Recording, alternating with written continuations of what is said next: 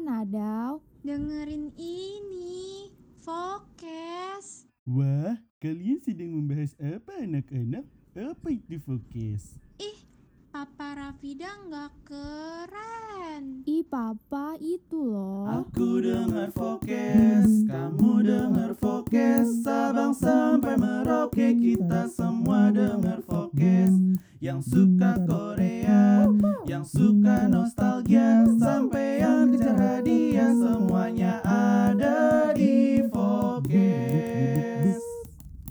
siaran paling asik. Ya hanya di Focus Radio. Focus Radio. Bring your voice to the world.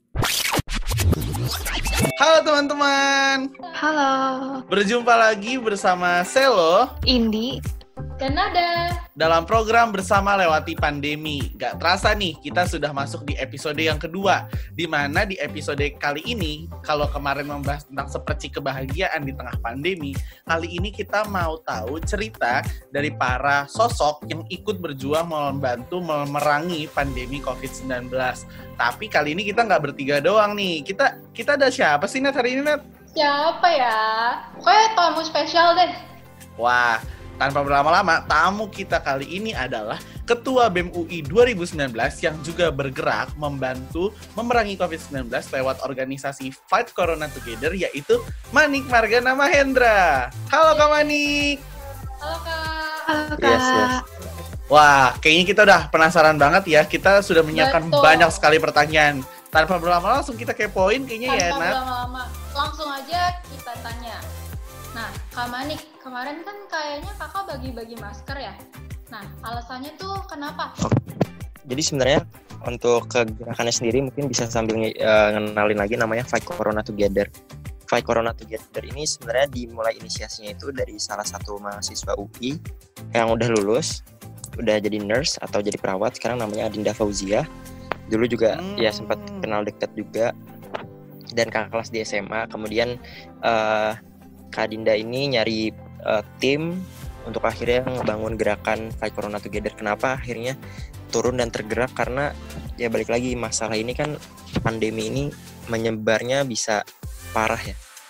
Dan kita bisa jadi jadi salah satu korbannya. Makanya untuk akhirnya berusaha apa bisa kita bilang memperkecil memperkecil eh, kemungkinan penyebarannya kita juga harus gerak gitu. Karena bisa jadi suatu saat nanti kalau misalnya kita keluar rumah atau lagi pergi eh, ke satu tempat dan kita nggak berhasil proteksi masyarakat yang tersebar malah satu masyarakat gitu kan jadi, jadi ya nggak masalah sama sekali untuk akhirnya kita tergerak gitu Oke, oke, baik, baik. Oh iya Kak Manik, kalau target donasinya tuh berapa ya dan progresnya gimana tuh Kak? Boleh dong diceritain ke kita. Oke, jadi eh, sebenarnya targetnya itu kan sampai sekitar 140 juta ya untuk perkumpulannya. Tapi eh, syukur alhamdulillah mungkin udah lebih dari sekitar 50 atau sekitar 50 sampai 60 juta gitu untuk yang berhasil terkumpul donasinya dan untuk masker sama hand sanitizer-nya sendiri itu eh, khususnya untuk maskernya itu masih sekitar 400-an. Kenapa? Karena ternyata waktu dicari mah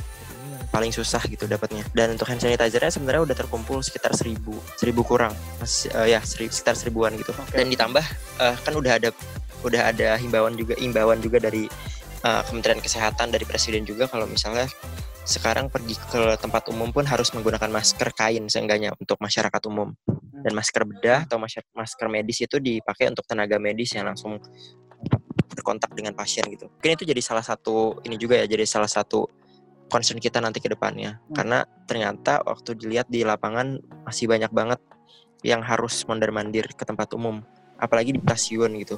Oke oke.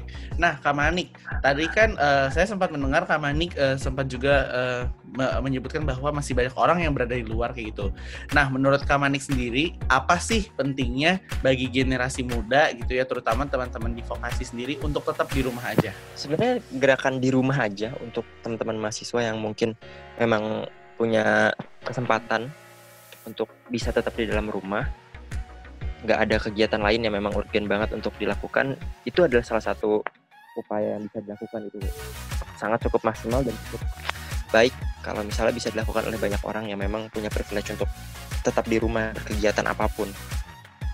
Apa pun itu. Karena ya mungkin ini masih satu hal yang baru ya untuk eh, masyarakat pun di dalam rumah. Itu juga jadi salah satu bentuk kepedulian gitu. Eh, tapi nih kak, kan banyak nih yang masih kayak mau nongkrong-nongkrong itu gimana tuh kak? Ya. Tanggapannya. Ya ya pikirin lagi aja lah kalau misalnya mau nongkrong gitu ya. Kan bisa juga sekalian ngurangin pengeluaran sebenarnya kalau misalnya sambil nongkrong. Tapi yang yang lebih lebih lagi daripada itu ketika berangkat mungkin dalam keadaan sehat tapi pulang-pulang taunya dalam keadaan sakit itu kan lebih repot. Hmm, benar. ya bisa jadi ketika pulang-pulang ini amit-amit sih ya tapi pulang-pulang gitu habis kumpul-kumpul nongkrong-nongkrong nggak jelas kum- ba- eh, dalam kondisi seperti ini gitu ya. Pulang-pulang ke rumah pulang di rumah Nah, orang tuanya sendiri. Habis itu sakit segala macam dan sampai kejadian sih tapi ya tadi kalau misalnya emang mau bertaruh ya taruhannya nyawa gitu bukan masalah bukan masalah kenyamanan lu aja tapi nyawa orang lain. Nah, Kak Manik, terakhir nih. Apa yang Kak Manik kangenin dari masa sebelum corona? ketemu ketemu teman-teman sih ketemu orang-orang. Interaksi langsung tuh benar-benar ini kalau menurut pandangan gue kan kita sering banget sekarang kontakannya jadi online gini. Beda gitu rasanya ketika bisa ketemu sama teman langsung langsung bener-bener ketemu tetap tetap muka gitu ya. Bisa sharing tentang cerita sharing apa pun segala macam itu itu sih yang paling bener-bener ngangenin kalau misalnya nanti mungkin merayakan setelah ini semua selesai ya itu kita bisa ketemu lagi sama orang-orang Oke. Wow, itu tadi insightful banget ya. Oh, satu lagi deh Kak Manik sebelum kita berpisah nih sama uh, penonton dan pendengar kita semua di bersama lewati pandemi ini. Boleh dong Kak Manik kasih satu pesan aja untuk teman-teman kita yang Untuk teman-teman kita yang masih sering Yang masih bandel juga keluar-keluar ya. ya. keluar-keluar. Kalau udah nggak peduli sama diri lu sendiri seenggaknya peduli sama orang tua lu udah cukup Oh, makasih banyak ya Kak Manik atas waktu dan kesempatannya. Kita bertiga seneng banget nih eh, bisa ngobrol-ngobrol banyak gini sama Kak Manik. yoi Betul. Yes, terima kasih banyak ya Kak Manik untuk waktunya. Wah, Makasih, it- Kak. itu dia tadi ya perbincangan kita yang begitu insightful bersama Kak Manik Margana Seru Mahendra. banget.